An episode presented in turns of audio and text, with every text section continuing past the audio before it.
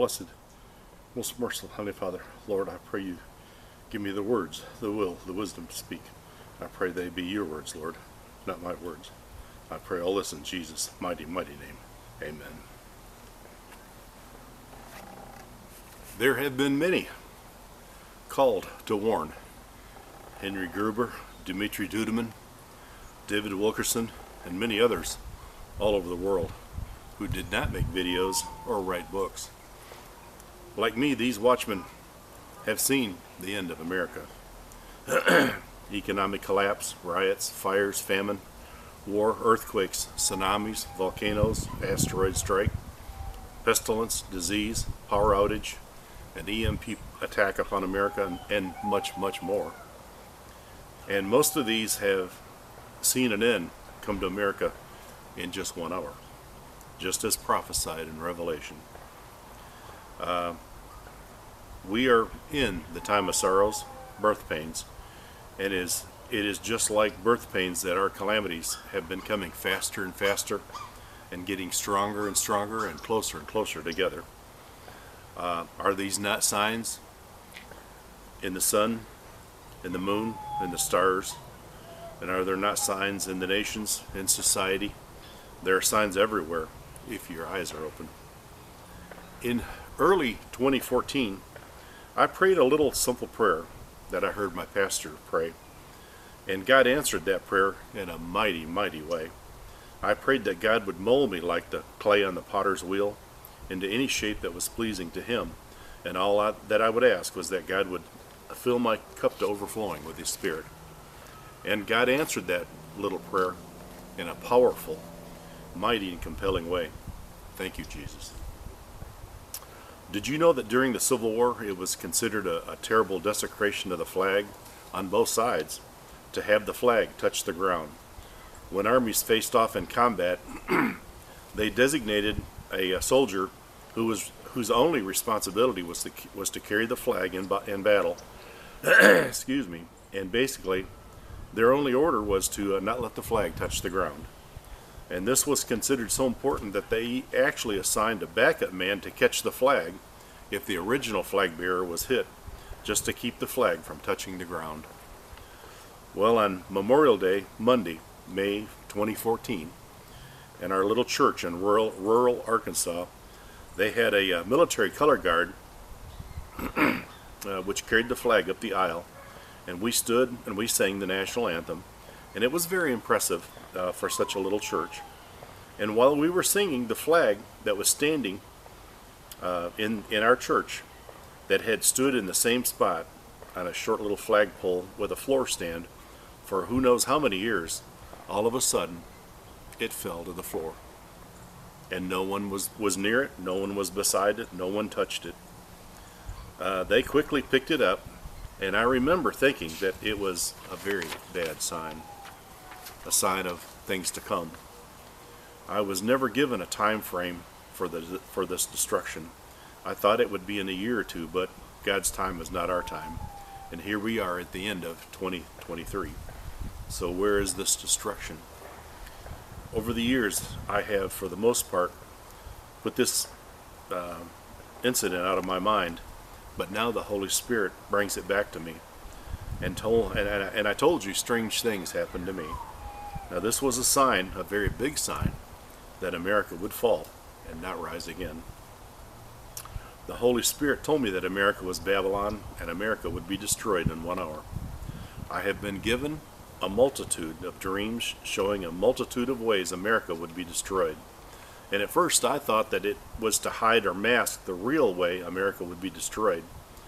But eventually I came to see that America was destroyed in all these ways a convergence of, of destruction will come upon America, and America will be no more. Now, we are coming to the end of 2023, and many are asking, is God slacking his promises? But God is giving people one last chance to come to repentance. God is now showing you great signs everywhere. God does not want any to be lost, that all should come to repentance. This world is so vile and full of abomination, even corrupting our little children. Believe me, God is not slack concerning his promises. The signs that our economy is about to collapse will intensify, but in January it will become very, very apparent America is in serious trouble. And after that, every month, we'll have a very severe downturn in our economy. Then one day, without warning, you will wake up, the dollar will be worthless, every bank will be closed, every government office will be closed. Then we will be plunged into the abyss. Then everything closes, everything is shut down, everything collapses. The things you have come to depend on will no longer be available. Nothing will work. I do not know if we are raptured before this collapse comes or during the collapse. All I can tell you is to hang on to Jesus tightly. Stand on your faith and trust in God as never before. So many people think that what is coming is a recession and more stores and more businesses will close and, and there'll be more job losses and, and more homelessness. But what is coming is much, much worse. I know. I have seen it. I've seen what is to come. And it will be hell on earth. God showed me in a dream this time that America collapses. And one day I was searching uh, gift videos and I was shocked to see my dream in a video. Now, the only major difference is the man in the suit in the video was not in my dream. And you can see this video at the end of this uh, at the end of this video.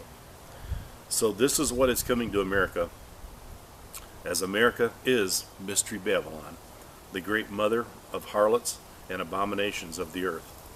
Now you can see this, and now you know it's true. So now read the rest of Revelation 17 and 18 and see what comes to America Babylon. America was that golden cup in God's hand, but no more.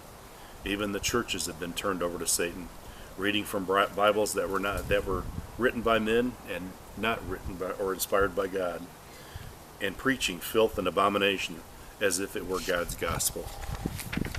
Now you see why God will destroy America and why America is Babylon. Now is the time to repent of sin, to get in the will and grace of Jesus Christ, and to be pleasing to God, as nothing of this world can save us now. With what is to, what is coming, there is no safer place to be than in the arms of Jesus. I know I was in the arms of Jesus, and I felt a, a greater love than ever before, an unimaginable, uncomprehendable love, without limits and without bounds. That is the love that the Creator has for me and for you. We are getting down to the wire with this, and the rapture is so very, very soon. But until that day, until that hour, We all, no matter what comes, must place our full faith and trust into Jesus Christ. Remember, to die in this world means that when you close your eyes to this world, you will open your eyes in paradise. That is God's promise to us. And also remember 1 Thessalonians 5 and 9.